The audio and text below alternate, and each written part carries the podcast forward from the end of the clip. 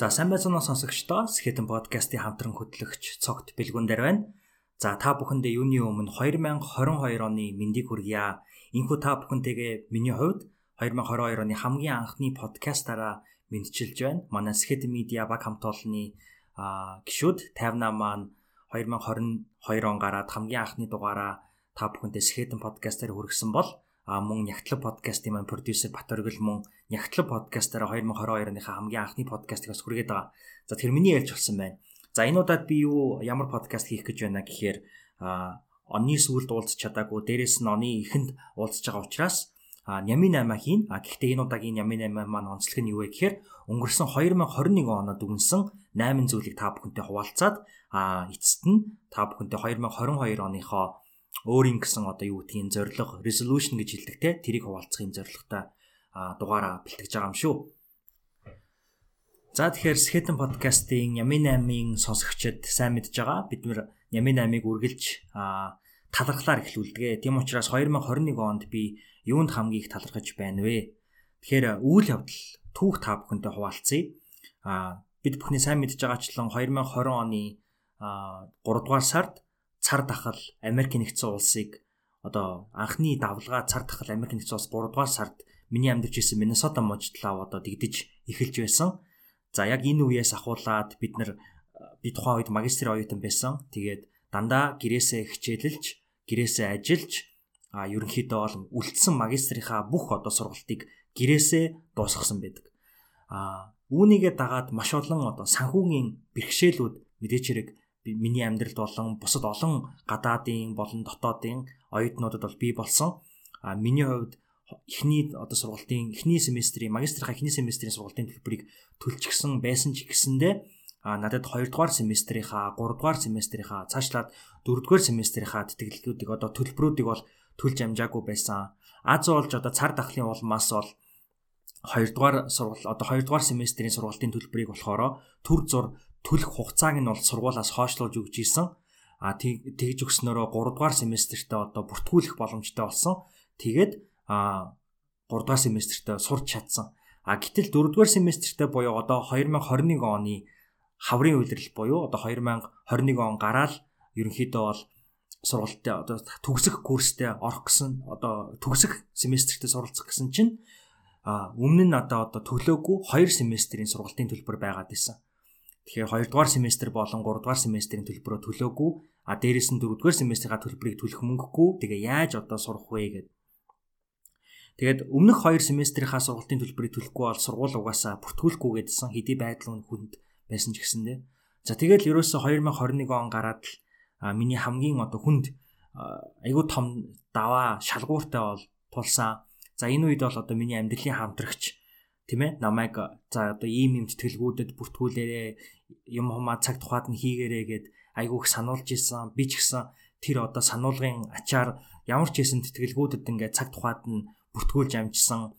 А мөн одоо өөрийнхөө магистрийн хөтөлбөрийнхаа багштай юу захиралтай за тэгээ сургуулийнхаа тодорхой албан тушаалтнуудтай бүгднтэй нь тухайн үед видео кол зүүм дуудлага хийгээд өөрийнхөө нөхцөл байдлыг тайлбарлаад үнэхээр ингээд сургалтын төлбөрөөр төлөх боломжгүй байгаад байна гэд ингээд тайлбарлсан. За тэгээд хид хідэн тэтгэлгүүдэд бол тэмцсэн бүртгүүлсэн. Тэгээд тэмцсэн. Тэгээд энэ бүх тэтгэлгүүд бол надад хоёр маш том тэтгэлэг орж ирсэн. Нэг нь болохоор олон улсын сургуулийнхаа олон улсын оюутны байгууллагаас миний өнгөрсөн одоо хоёр семестрийн тэтгэл төлбөрийг бол төлж өгсөн. Өөрөөр хэлбэл 1-р удирдал 1-р удирдлынхаа төлбөрийг би төлсөн байсан те. Тэгээ 2 3 дугаар удирдлынхаа төлөөгүй байсан. Гэхдээ сургууль биднийг бүртгүүлүүлэх боломжийг олгосон. Гэхдээ сурсан боловч төлбөрөө төлөөгүй байсныг нь а манай олон улсын оюутнуудыг дэмжих одоо дэмждэг тусалдаг байгууллага нь төлж өгсөн. Энэ бол болохоор илүү тийм financial need based буюу санхүүгийн одоо бэрхшээлд байгаа оюутнууд болон мэдээж хэрэг тухайн оюутныхаа сургалтын дүн одоо сургалтын итгэх чармайлтыг хараад а дээрэс нь яг нөгөө нөгөө оюутан одоо төгсөх шатанда хэр ойрхон байгаа юм бэ гэдгийг ингээ харгалзаж үзсэн тэтгэлэг байсан. Тэгээ энэ тэтгэлэг яагаад надад тохирсон бэ гэхээр би ч өөрөө дөрөвдүгээр семестртээ байсан. Яг тэр семестрээс сурчих юм бол төгсгөөд байсан. Тэгээд тэр тэтгэлгийг надад өгсөн. А дээрэс нь би Colonial Dames of America гэдэг тэтгэлэгт бол apply хийж энэ тэтгэлгийг бас авсан. Тэгээд энэ тэтгэлгийг аваад яг нэг өдөр энэ бүх тэтгэлгүүдийн хариу надад ирсэн байхгүй. Өглөө нь надад ингээд та ингээд тэтгэлэг хүртлээ гэдэг имэйл нь ирээд байжсэн чинь над руу олон улсын оюутны байгууллагаас нэг харилцаж исэн мэрэгчлэлтэн удахгүй чам руу дахиад нэг гоё имэйл ирнэ шүү гэд хэлсэн байхгүй. Тэгэл би өстө догтлоо юу юм болоо нөгөө Colonial Dames-тэй тэмцсэн болов гэж бийжсэн чинь а Colonial Dames-тэй тэмцсэн гэд надад 100000 долларын тэтгэлэг өгсөн. Тэгээ би угаасаа яг хөө мэдээч хэрэг сургалтын төлбөрөө бүтэн төлөөгүй семестр байсан ч гэсэндээ сургуулаасаа өөр тодорхой хэмжээний нэлээд их хувийг нь төлж байгаа тэтгэлгүүд байсан болохоор тэр Colonial Dames of America Scholarship надад 100000 долларын тэтгэлэг өгсөн. Тухайн үед би тэгээд өмнөх тэтгэлгээрээ 1 2 3 дугаар семестрийнхаа бүх төлбөрүүдийг даалгуулсан учраас а бас дээрэс нь 4 дугаар семестрт аль хэдийн тодорхой хэмжээний тэтгэлгүүд авчихсан байсан учраас тэр Colonial Dames of America гэдэг тэтгэлгийн а үнийн дүнг нь миний одоо тухайн сургалт тухайн одоо дөрөвдүгээр улирлын тэтгэлийг бол ингээд давж төлөгцсөн. Тэгээд энээс хойш ерөнхийдөө бол би ингээд ямар ч зүйл санаа зовхгүйгээр магистрийнхаа дөрөвдүгээр улирлыг бол төгсч чадсан. Энэнд би маш их талархаж байгаа. Тэгээ анх Америкт явхаасаа эхний өдрөөсөө л ахуулаад а маргаашийн төлбөр, маргаашийн хоолны мөнгө яах вэ гэдг нь ер нь бол тодорхой биш байдаг байсан. А гисэн хэдийч манай гэр бүл хамаатан садан анд найзууд ингээд тусалдаг үе зөндөө байсан. А дээрэс нь хамгийн гол нь одоо манай аав ээжи надад одоо хэлж исэн манай гэр бүлийн надад хэлж исэн сэтгэлгээ одоо майндсет нь юу байсан бэ гэхээр за ямар ч исэн эхний нэгдүгээр асуудлаа шийдчихвэл хоёрдугаар асуудлын гарц заавал олдтiin маа гэж ингэж надад хэлдэг байсан. Тийм учраас би одоо Америк нэгдсэн улсад сурсан 8 одоо жилийнхаа хугацаанд иймэрхүү сургалтын төлбөрийн, байрны мөнгөний олон асуудлуудтай тулгарч исэн. А гэхдээ энэ одоо 2021 онд тулгарсан энэ асуудал бол хамгийн том нь бөгөөд хамгийн гоёор шийдэж өгсөн. Яг тэгэхээр үргэлжлэл байгаа. Тэр үргэлжлэл нь юу вэ гэхээр а би ингээд сургуулийнхаа одоо өөрийнхөө хөтөлбөрийн захиралтай уулзаад явж исэн чинь манай хөтөлбөрийн захирал манай зөвлөх багшд бас миний асуудлыг тайлбарлаад Тэгээд а дээрэс нь манай зөвлөх багш маань надад а миний одоо дөрөвдүгээр улиралд одоо graduate assistant position буюу а одоо магистрийн оюутнууд сурж байгаа хүмүүс бол давхар одоо яг сургууль дээр ажил эрхлэх боломжийг олгодог. А энэ боломж нь бол зүгээр одоо нэг ажиллаас илүүтэйгээр одоо энгийн одоо юу гэдгийг би ч тухайн үед Америкт улс төрд ажиллаж байсан. Энэ бол одоо миний regular буюу энгийн ажил. А дээрэс нь надад ямар ажлын боломж олгосон бэ гэхээр а одоо судалгааны ажил, сургууль дээр судалгааны ажил хийх боломжийг олгосон. Энэгээрээ дамжаад би одоо USAID гээд Америкийн хамгийн том төрийн бас байгууллагыг байгуулгын шинэ програм UFixel гээд дэлхийд даяар байгаа залуучуудад зориулсан залуучуудын хөтөлбөрт академик зөвлөх буюу одоо боловсролын институтийн зөвлөх болохын боломжийг надад бас олгосон. Тэгээд миний одоо залуучуудтай ажилтдаг те подкаст хийдэг энэ бүх одоо зүйлүүд маань бас энэ ажлыг авахд айгүй дөхөн болж өгсөн. А дээрэс нь яг яг юу болсон бэ гэхээр яг тухайн ажил дээр ажиллах гэж байсан оюутан маань өөрөө өөр ажилд орох хэрэгтэй болоод илүү дээ. Ямар нэгэн хүндэтгэх шалтгаанаас болоод тэр ажлаа хүлээлгэж өгөх хэрэгтэй болсон. Тэгээ яг тэр өдөр өдөр нь тэр нэг 2 3 өдөр ч байлоо. Яг тэр үед нь би өөрийнхөө одоо хөтөлбөрийн захиралтай ярьж таарснараа тэр одоо ажлыг авах боломжтой болсон. Тэгээ энэ ажил нь нөгөө тэтгэл энэ ажил нь яадаг вэ гэхээр надад дахиад миний сургалтын төлбөрийн 50% хөнгөлж өгсөн байхгүй юу? А тийм юм байна. Нэрэ 50% хөнгөлж өгсөн. Дээрэс нь одоо үлдсэн семестрийн туршид тийм ээ дандаа байнгын орлоготой байх боломжийг бол олгож өгсөн. Энэ болохоор нөгөө цагийн ажил биш. Цагийн ажлыг бол одоо Америкт wage work гэдэг тийм ээ. Яг цаг цагаар нь одоо олгодог. А нэг цагийн ажлыг 8 доллар байдаг ч юм уу 10 доллар 12 доллар гэдээ явдаг. Сүүлд 12 доллар болсон байна. Анх намайг Америкт очиход цагийн ажлын доод хөлс 7 доллар байсан. Тэгээ хамгийн сүүлд би 2021 онд Америкас ирэхэд л манай мужидлав 12 доллар болцсон байсан байна. А гэхдээ миний ажил бол нөгөө wage work биш, цагийн ажил биш, salary based буюу одоо яг ийм одоо бүтэн цалин тавьж өгдөг ийм ажил байсан. Ингэснээрээ бол одоо үлдсэн семестрийн туршид дахиад нэг орлогын инх сургалжтай болж өгсөн айгүй том давуу талыг бол үүсгэсэн. За ингэснээрээ бол би 2021 оны 6 дугаар сар 5 дугаар сар сургуулаа төгссөн. 2021 оны 7 дугаар сард эх орондоо эргэж ирсэн. Эх орондоо эргэж ирэхэд бол миний диплом гарцсан тий. А дээрэс нь ингээд ямар ч сургалтын төлбөрийн өргүү ардаа үлдээсэн юу чгүй ингээд ирсэн. Ингэснээрээ бас ингээд бакалаврынхаа дипломтой, магистрийн дипломтой хоёр дипломоо ямар ч байсан өртлөөд хоёр одоо мэрэгжлийн зэрэгтэй ингээд эх орондоо ирсэн. Тэгээд эх орондоо ирээд 2 сар амарч хувийнхаа ажлуудыг хийж агаад ажилд орсон. Тэгэхээр энэ одоо сургалтын төлбөрийн асуудал маань надад одоо 2022 оноо бас амжилттай эхлүүлэх 2021 оноо амжилттай өрнүүлэх боломжийг олгоснороо би энэнд амар талархаж байгаа.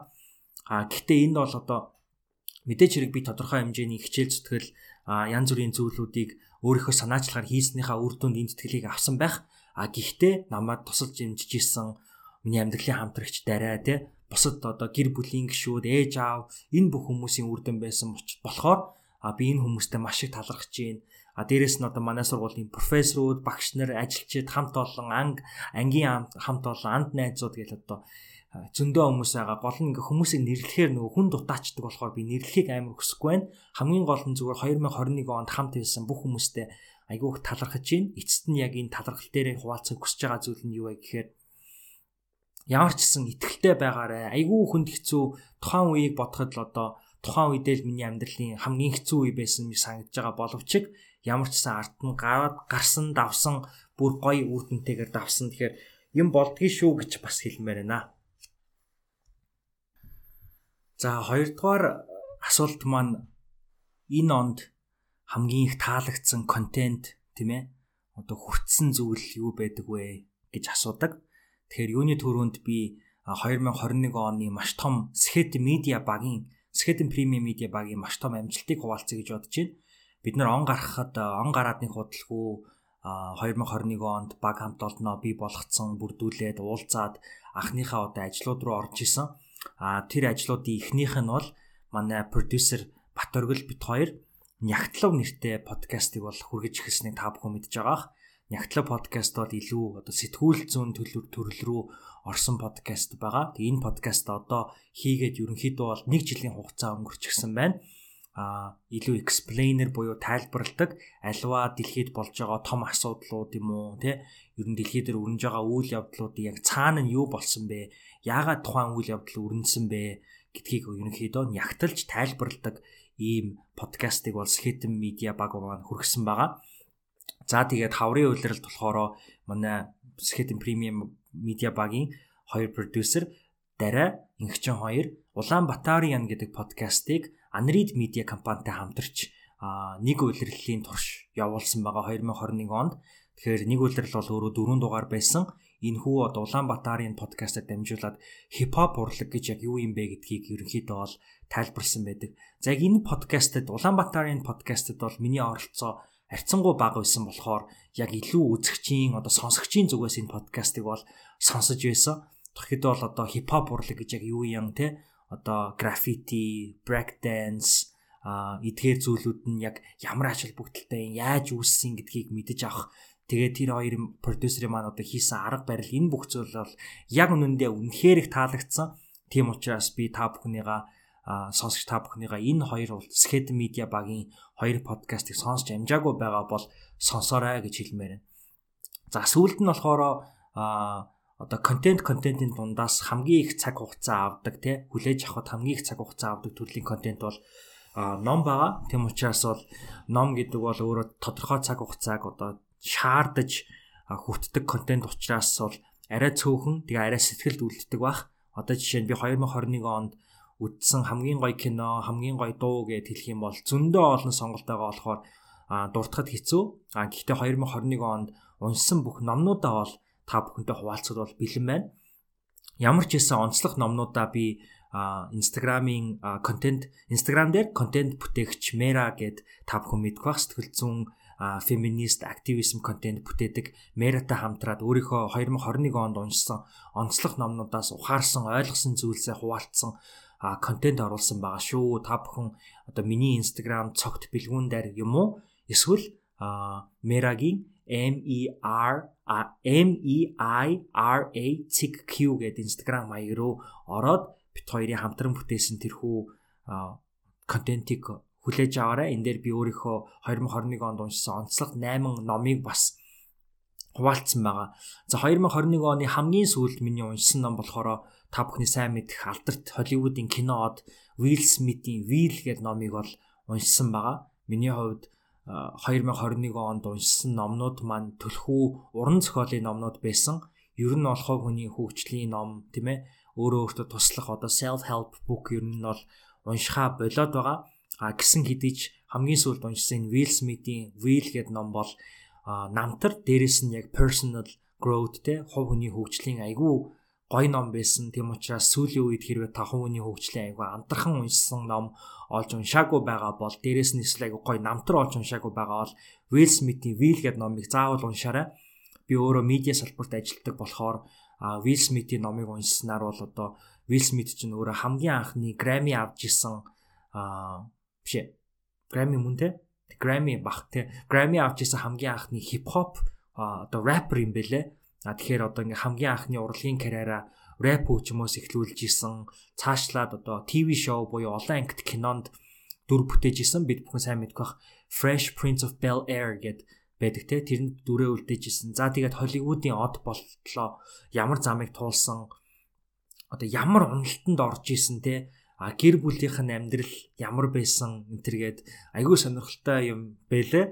Тэгээ би номноос сүлд нэг ганц хөвгчлөлтэй ямиг хуваалцчмаар санагдаад байна.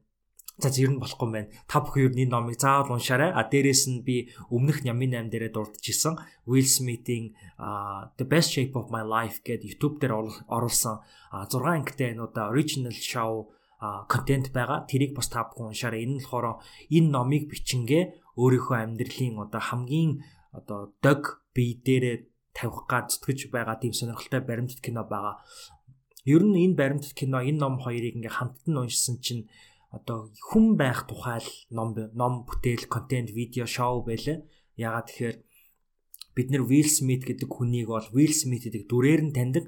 А гэтэл яг үнэндээ түүний дотор байгаа нь Will гэдэг хүн чи яг өөрөө хэн юм бэ гэдгээ өөрийгөө бүр шалдалж тэ энэ дүрээ бүр нүцгэлж та бүхэнд тайлбарлсан, харуулсан. Үнэхээр сэтгэл зүйн одоо маш чухал контент байлээ. Тийм учраас залуучууд та бүхэн ялангуяа сэтгэл зүйн асуудал тийм ээ эрүүл сэтгцийн эрүүл мэндтэй холбоотой контент сонирхдаг энэ татар ном уншихыг хүсэж байгаа бол энэ номыг, энэ контентийг, энэ шоуг заавал үзээрэй гэж би хэлмээр байна.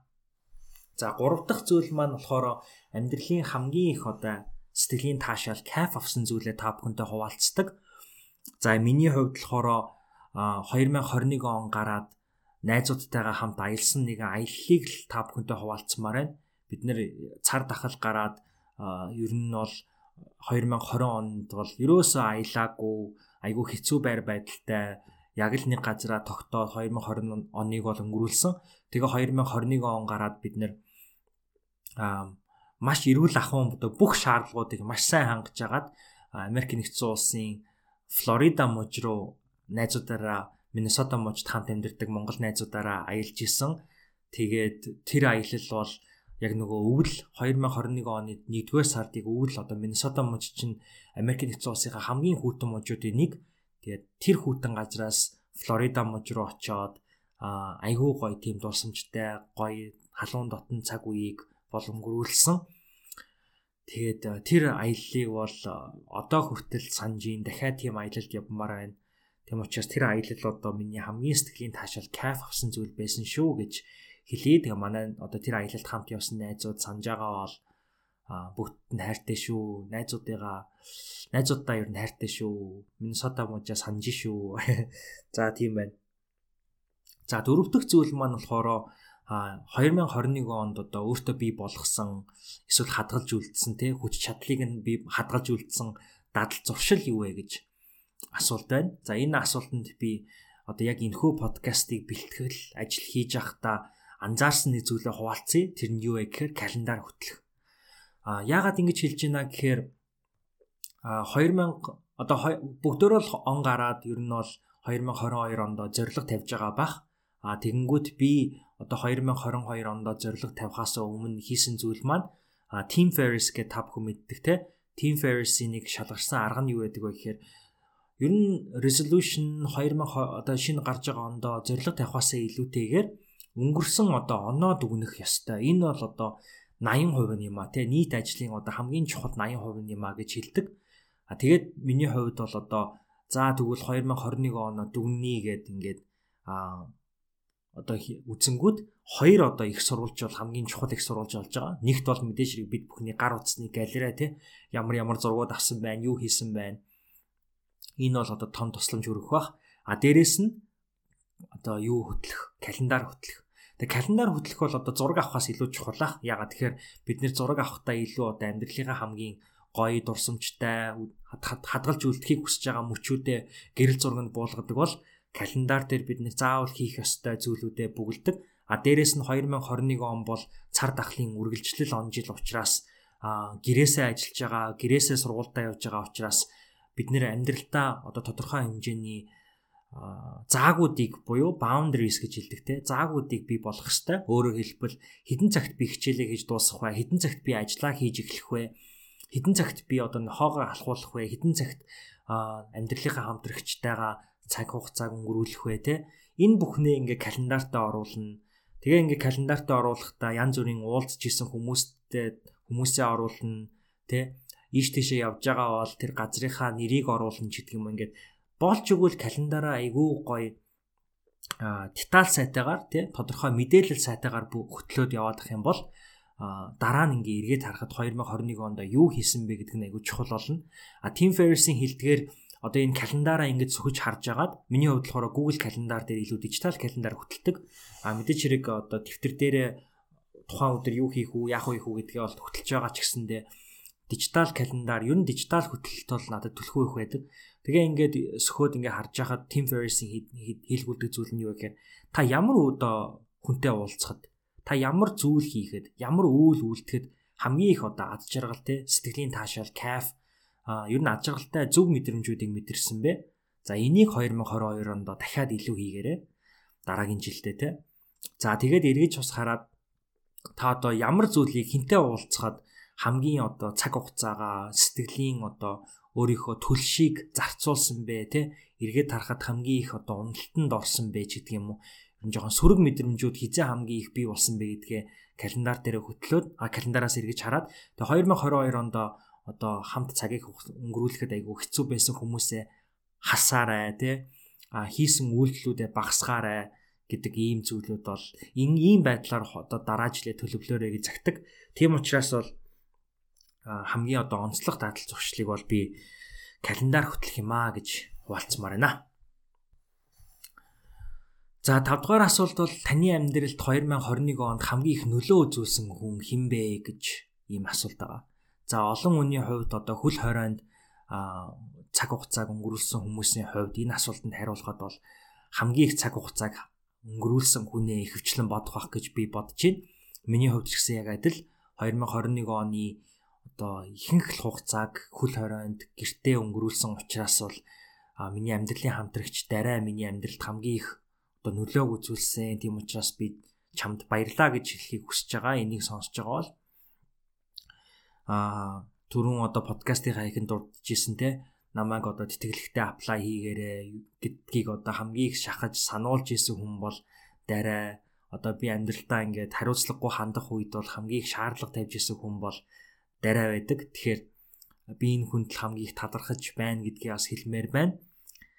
За дараагийн бас нэг одоо юу гэдгийг талархал үгэх ёстой ч гэдэг юм уу те? Ер нь миний амьдралд одоо хамгийн эргэлтийн цэгийг авчирсан хүн хэн бэ гэхээр би Монголд ирээд уулзсан анх удаа биеэрээ уулзсан Анрид медиа компанийн захирал унда захирлыг хэлмээр байна ундрал захирлыг. Тэг яагаад үг гэхээр 2021 онд бид нэр Анрид медиа Скети медиа хамтраад подкаст бүтээж исэн.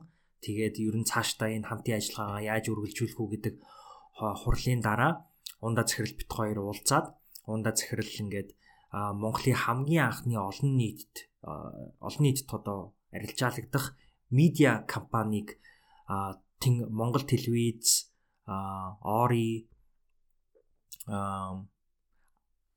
гэдэг одоо одоо ер нь бол хамгийн анхны медиа групп компанийг тийм ээ байгуулж байгаа Анрид тийм ээ Анрид Монгол ТV, Ори, Арт санхүүгийн нэгдэл зэрэг эдгээр компаниуд нийлээд одоо хамгийн анхны энэ компани байгуулж байгаа. Олон нийт одоо TNGR гэдэг символтойгоор өнөөдөр Монголын хөрөнгөний бирж дээр худалдаалагдаж байгаа энэ компанийг байгуулж байгаа. Тэгээ бид нэр дэрэгдээ бас VTV гэх телевизийг худалдаад авцсан. Энийг ингээд VTV гэдэг телевизийг ерөнхийдөө бол байхгүй одоо цоо шинээр шинчлээд энэ бол rebrand биш. VTV гэдэг телевизийг яг үнэндээ бид нэг унтуулад цоо шинээр Тэнгэр телевиз гэдэг өргөн нэвтрүүлгийн телевиз телевизээ сувгийг байгуулж байгаа. Өргөн нэвтрүүлгийн сувг гэдэг бол орон даяар цацагддаг, тийм ээ. Энэ сувгийг байгуулж байгаа. Энд орж ирж продюсераар одоо ажиллах саналыг бол тавьсан. Тэгээд э, одоо 2017 оноос хойш подкаст хийж байгаа миний хувьд өнгөрсөн хугацаанд ч гэсэндээ а вебсайт хөгжүүлэх, Facebook дээр пэйж хөгжүүлэх гээд ер нь л одоо 13 наснаасаа өсвөр насныхаа үеэс л ахуулаад байнгын л контент хийж исэн, байнгын л медиа салбарт сонирхолтой хоббитой байсан миний хувьд бас нэг өөрийгөө сорих энэ боломжийг олгосон. Тийм учраас одоо тэр эргэлтийн цэгийг би болгосон одоо ундрал захирал Данрид медиагийн хамт олон Тэнгэрлэг медиа группийн хамт олонд одоо баярлаа гэж хэлэх ёстой байх гэж би бодож байна. Тэгээд бид нар оны одоо он солигдох мөчт буюу 12 дугаар сарын 31-ний өдөр Тэнгэр телевиз маань туршилтын эфирээ цацсан байгаа. 2022 онд бид нар аль бие осоор Тэнгэр телевизийг нээж та бүхэнтэйгээ би өөрийн одоо нэвтрүүлэг контентороо уулзах болно. За 2021 онд хам гаргасан хамгийн том амжилт гэдэг асуулт байгаа. За энэ амжилт гэдэг асуултыг бол хариулахад айгүй хэцүү хүн болгоны хувьд амжилт гэдэг тодорхойлолт бол өөр. А гэтээ скетэн баг хамт олонны хувьд манай скетэн гэр бүлийн хувьд тийм ээ бид нар амжилтыг юу гэж үздэг вэ гэхээр өөрөө өөрийнхөө нуруунд дээр алгадаад чи сайн байсан шүү гэж хэлдэг тэр мөчийг тэр үүлийг бид нэр амжилт гэж үздэг. Тэгэхээр 2021 онд миний хувьд өөрөө өөртөө чи амжилттай байсан шүү гэж хэлэх зүйл бол өөрийнхөө сэтгцэн эрүүл мэндэд тавьсан одоо гаргасан амжилтууд байх. 2021 онд би үргэлжлүүлж сэтгцэн эрүүл мэндийн зөвлөгөөг сургууль дээрээ сэтгцэн эрүүл мэндийн хүнтэй те сэтгэл зүйчтэй үргэлжлүүлж олон олон одоо уулзалтуудыг хийж өөрийнхөө амьдрал тулгарч байгаа зүйлсүүдийг ярьж өөртөө амьдралдаа том том зорилгоодыг тавьж түүнийхээ төлөө зүтгэсэн байгаа. Том том гэдэг нь болохоор одоо ямар нэгэн зүйлд хүрэх биш зүгээр өдрөл амьдралынхаа өдөр тутамд гаргах үйлдэлүүд өөрөө өөртөө хандах хандлага тийм ээ бусад хүмүүст гаргах хандлага дээрээ яаж ажиллах уу гэдэг дээр бол 2021 оны эхний хагаст бол байнгын сэтгэл зүйчтэй уулзч ярилцсан.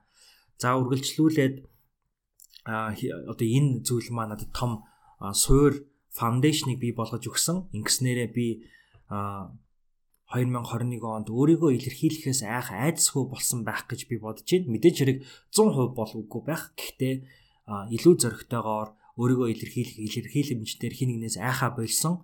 А би одоо ийм хуц өмсчүүл яах вэ? Ингээд өөрийгөө илэрхийлчүүл яах вэ? Тэ иймэрхүү зүйлүүдээ бас айхаа болсон. Тэгээд энэ маа надад том амжилт юм шиг санагдаж байгаа а би өөрөө өөртөө илүү хайртай болсон, өөрөө өөртөө илүү дуртай болсон, өөрөө өөрийгөө байгаагаар нь хүлээн зөвшөөрч чаддаг болсон. Өөртөө хайртай болсон гэхээр нөгөө өөрийнхөө эгонд дуртай гэдэг үг бол биш те. Өнөөдөр би хэн байгаадаа одоо сэтгэл хангалуун өөрийгөө байгаагаар нь хүлээн зөвшөөрч чаддаг болсон гэж хэлж байгаа юм шүү. За хамгийн сүүлд нь 7 дугаар асуулт хамгийн сүүлд биш сүүлдээс хоёр дахь нь 7 дугаар асуулт нь болохоор 2021 онд одоо ухаарсан ухаарал сургамж юу вэ гэж. Тэгэхээр миний бодлоор бол яг би ингээд төвтөр дээрээ бичсэн байна л да. Битгий зөвхөн төлөвлөө, эхлээд дүгнэ, тэгээд төлөвлөл гэж тий. Миний одоо түрүүн дөрөвдүгээр point дээр хэлсэн календар хөтлөөд түүнийгаа эргээд хараад дүгнээд тэгээ 2022 оноо төлөвлөнө гэд. Тэгэхээр бол түнтэй адилхан ер нь альва зүйлийг хийхээс өмнө өмнөхөө одоо сөхөх айгүй хэрэгтэй юм шиг санагдчих байгаа. Тэр нь юу вэ гэхээр бол одоо өөрийгөө шүүх те одоо өөрийгөө зүхэх тэрэндээ харамсах гэдэг үг бол биш. Би юун дээр алдсан бэ? Би юун дээр онсон бэ гэдгээ бид нэр цаг тухайн үедээ дүгнэж байх ёстой. А ингээд бид нэр цааш цаашдынхаа зорилгыг бол тавих ёстой. А тэгээд дүгнэлт нь биднэрт юунд хүргэдэг вэ гэхээр за би энэ дүгнэлтийг хийгээд а цаашдаа нэг ийм л хэмжээний зорилго тавих чадах юм байна гэдгээ тодорхойлох биш. А эсвэргээрээ би өнгөрсөн хугацаанд ийм зүйлүүдийг хийж чадсан байна. Тэгвэл одоо яг энэ хэрчээр яваад байвал би яг юу хийж чадах юм бол гэдгийг эхлээд тодорхойлчих хэрэгтэй юм санагдсан. А тэгээд тэр нь ягаад тэрийг тодорхойлох хэрэгтэй вэ гэхээр өнөөдөр бид нэр чадахгүй тийм ээ өөрийгөө хүрч чадахгүй гэж хүрч байгаа зүйлээ бид нэр өөрийн болохын төлөө хичээх хэрэгтэй гэж би бодож байна. Өөрөөр хэлбэл хүрч чадахгүй оргил хүрч чадахгүй зориг таныхаар юу вэ? А эсвэл за яг хоо би нэг жилийн дараа гэхэд ийм зорилгот хүрнэ гэж та бодож байгаа байж магадгүй. Гэтэл эсэргээрээ яагаад нэг сарын дотор тэр зорилготой хүрч болохгүй гэж тий? Тэгэхээр иймэрхүү зүйлүүдэд тодорхойлохын тулд өнгөрснөө сөхөх хэрэгтэй байх. А гэхдээ түрүүн дурдсанчлан өөрийгөө хайрлаарай, өөрийгөө сонсоорой. Бүр өөрийгөө тултал нь одоо тий шин жил, шин он, шин бие гэхээсээ илүүтэйгээр өөрийгөө мартаж тий өөрийгөө үүсгэхээс илүүтэйгээр би чинь хэн билээ гэдгээ эхлээд мэдээд тэгээд хэн болох вэ гэдгээ тодорхойлоорой гэж хэлж байгаа юм да. Тэгээд жоохон ойлгомжгүй санагдчих магадгүй. Гэтэ та бүхэн маань дор дордоо өөрөө өөрийнхөө хүлээж аваарай. Авахыг нь аваад гихийг нь гээгэрээ гэж хүсэж байна. За хамгийн сүүлд нь Ямин 8-ын хувьд 8 дугаар асуултыг орон зай гэж үлдээдэг байгаа. Бидний амьдралд үргэлжийн орон зай, сул орон зай хэрэгтэй байдаг. Энэ орон зайд бид нэр ирэх өнгөрснөө эргэж хардаг хайртай хүмүүстэй талархаж байгаагаа илэрхийлдэг энэ орон зайг бид нар маш чухлаар ерөнхийдөө бол үнэлж харж авч үздэг байгаа. Тэгэхээр би энэ орон зайг мэдээч хэрэг шинэ он гарч байгаа юм чинь өөрийнхөө одоо зорилгоодыг хуваалцъя гэж хүсэж байна. За тэгэхээр энэ бол айгүй тийм нарийн тодорхой ийм зөр одоо яг ийм яг тийм гэсэн зорилго биш. Ер нь бол би нэг ийм хүн байхыг хүсэж байна те. Би хэн байхыг хүсэж байгаа бай гэдгээ хуваалцахыг хүсэж байгаа зорилгууд байна. Тэгэхээр Монголд ирэнгүүт надад хамгийн их ажиглагдж байгаа зүйл бол монголчууд бидний хамгийн их алддаг зүйл нь амьдралтаа одоо энэ зааг тийм ээ шугамуудыг тавьж өгөх. Ажил хідэн цагт хардаг вэ? Хинтээ яаж харьцах харьцах вэ а иймэрхүү одоо зааг химжээсүүдийг бид тавих дээр айгу муу юм шиг санагдсан. Би ч гэсэн өөрөө тэрэн дээрээ муу болохоор магадгүй Америкт би одоо жишээ нь календарынхаа жишээнээр дахиад авахад би яг 4 цаг хүртэл ажиллаа хийгээд юм уу хичээлээ хийгээд 4 цагаас хойш гадаа гарч салхилнаа гэдэг байсан бол тэрэндээ хүрдэг байсан. А гэтэл одоо Монголд ирснээсээ хойш за 6 цаг хүртэл ажиллаа тэрнээсээ хойш ажиллахгүй гэдгийг гэдэг энэ зүйл бол одоо сүүлийн өдрүүдэд бол миний амьдралд ер нь жоохон байхгүй болоод байгаа. Мэдээж хэрэг бид нэр цоошин телевизийг нээх гээд эфирээ нээх гээд айгүй их ажиллаж байгаа манай баг хамт олонны хувьд тийм учраас амьдралын баланс алдагдах зүйл бол мэдээж хэрэг ажиглагдаж байгаа. А гэхдээ манай компани манай телевизийн нөгөө зорилго нь өөрөө амжилт амьдралын балансыг хангаж өгөх Монголын хамгийн анхны бараг цор ганц телевиз болох зорилготой учраас би өөрөөрөө үлгэрлж одоо энэ заагуудыг бас бий болгож энэ соёлыг бол байгууллага дээр бий болгох дээр ажиллана гэж юу нь бол бодож байгаа. А дараагийнх нь болохоор чухлын одоо ирэмбийг тавих гэж хэлдэг тийм ээ. Prioritization гэж одоо англи хэлэнд хэлж байгаа. Яг амьдралд чинь юу чухал юм бэ? 1 2 3-т гэдэг зүйл бол ирэмблэх. А хоёр дахь нь болохоор prioritization буюу одоо чухалчлах гэдэг зүйл бол амьдрал чинь байгаа хамгийн чухал зүйл өнөөдөр юу вэ? Өнөөдрийн нэг л чухал зүйлийг сонго. Тэгээ тэр чухал зүйл дээр л төвлөр гэдэг бол а эренблэхээс арай өөр. Энэ бол чухалчлах байгаа. Тэгэхээр энэ чухалчлах чухалчилт сурах дээр ажилламаар байгаа. За дээрэс нь би өөрийнхөө монгол хэлийг монгол хэлний ярих болон бичих чадварыг сайжруулахыг хүсэж байгаа. А мэдээж хэрэг одоо ингээд хэлэнгүүт одоо надаас үлгэр дуурайл авдаг олон хүмүүсийн хувьд а юу вэ бэлгүүний ах ч үгдэг юм уу сайн ярьдаг штэ бэлгүүний ах өөрийгөө муу ярьж ингэж үзэж байгаа бол би одоо муу яриад бүр муу ярьдаг гэсэн үг гэж бодож байгаа бол үгүй шүү. Хүн болгоны асуудал тийм ээ ярих асуудал ондоо бах. Миний хувьд бол а мэдээч хэрэг өөрийгөө илэрхийлэхдээ би сайн гэж өөртөө итгэдэг. А гэхдээ надад ямар асуудал байна вэ гэхээр олон одоо үгүүдийг, үг хэллэгүүдийг монгол хэл дээр буулгах дээр бол асуудлууд бол үүссээр байгаа. А телевизийн хүний телевизийн хүн болж байгаа хүний хувьд бол энэ асуудлыг шийдэх ёстой юм байлээ. А мэдээч хэрэг одоо компьютер гэдэг үгийг бол хизээч би а одоо юу гэдгийг цаг тооны цагийн цаг тооны машин ч гэдэг юм уу? Мэдгүй ямар нэгэн балааны нэрээр бол хэлэхгүй. Кофег бол жишээ нь кофег нь те. Яг хоо боргол моргол гэж хэлдэг ч гэсэндээ яг үнэндээ өнөөдөр бид нар нийгмээрээ кофе шоп гэж ярьдаг болохоос боргол шоп гэж ярьдаггүй те. Боргол дэлгүүр гэж ярьдаггүй А тийм учраас бол одоо жишээ community гэдэг үгийг бол одоо монгол хэлэнд хамт олон, хотол олон гэж ингээл орчуулах гал хичээгээд ах шиг байна. Гэтэл яг эсэргээрээ бид нэр яг ингээ орчуулад байх хэрэгч байна уу те community гэж ярьцдаг ч юм уу. Тэгэхээр энэ дээр бол илүү нэг тийм өөрийн гэсэн баримтлалтай болох зарчмаар монгол хэлээ сайжруулахыг хүсэж байгаа нь миний зорилго. А дээрэс нь монгол хэлний бичих чадвараа сайжруулна гэдг нь би өөрөө нэвтрүүлгүүд хийж байгаа учраас а илүү одоо хүүрнэн өгүүлэх монгол хэлний чадвараа сайжруулах шаардлагатай байгаа. Өнгөрсөн 8 жилийн хугацаанд Америкийн нэгдсэн улсад суралж суралцаж ажиллаж байхдаа дандаа мэрэгжлийн үг хэллэг тийм ээ professional хэллэгүүдийг бол дандаа англиар хэлдэг байсан. Тийм учраас одоо өөрийнхөө мэрэгжлийн албаны монгол хэлийг бас сайжруулах, бичих чадварыг сайжруулах шаардлага бол үүсэт байгаа. За тэгээд эцэст нь бас хийхийг хүсэж байгаа зүйл нь юу вэ гэхээр хайртай хүмүүстэй цаг гаргах хайртай хүмүүстэй өөрийнхөө өгч чадах зүйлүүдийг илүү ихийг өгөх. Аа тэгэхээр та бүхэн маань бас надаас юу авахыг хүсэж байна те? Та бүхэн сонсогч та бүхэн бол миний хувьд хайртай хүмүүс маань. Тийм учраас би та бүхэнд юугаа өгөх үү та бүхэн надаас ямар түүхийг маань ямар чадварыг маань сонсомоор байна те? Ямар одоо гаргасан алдаа оноог маань мэдмээр байна? Энэ бүхнээ бас над руу инстаграмаар ч юм уу бичээрэй. А би өөр нь болохоор 2022 онд зөвхөн Instagram гэлтгүү Facebook хуудас дээр хээ цогт бэлгүүн дээр гээд кириллээр бичих юм бол миний Facebook хуудас гарч ирнэ. LinkedIn дээр миний профайл байгаа. Twitter дээр бас арай жоохон идэвхтэй болж эхэлж байгаа. YouTube дээр одоо бичлэгүүдээ хийж эхэлнэ. Энэ мэтчлэн ер нь бүхий л сошиал медиа платформудаараа идэвхтэй байх гэж эхлэх болно. Тийм учраас та өөрийнхөө одоо дуртай платформоор над руу бичээрэй.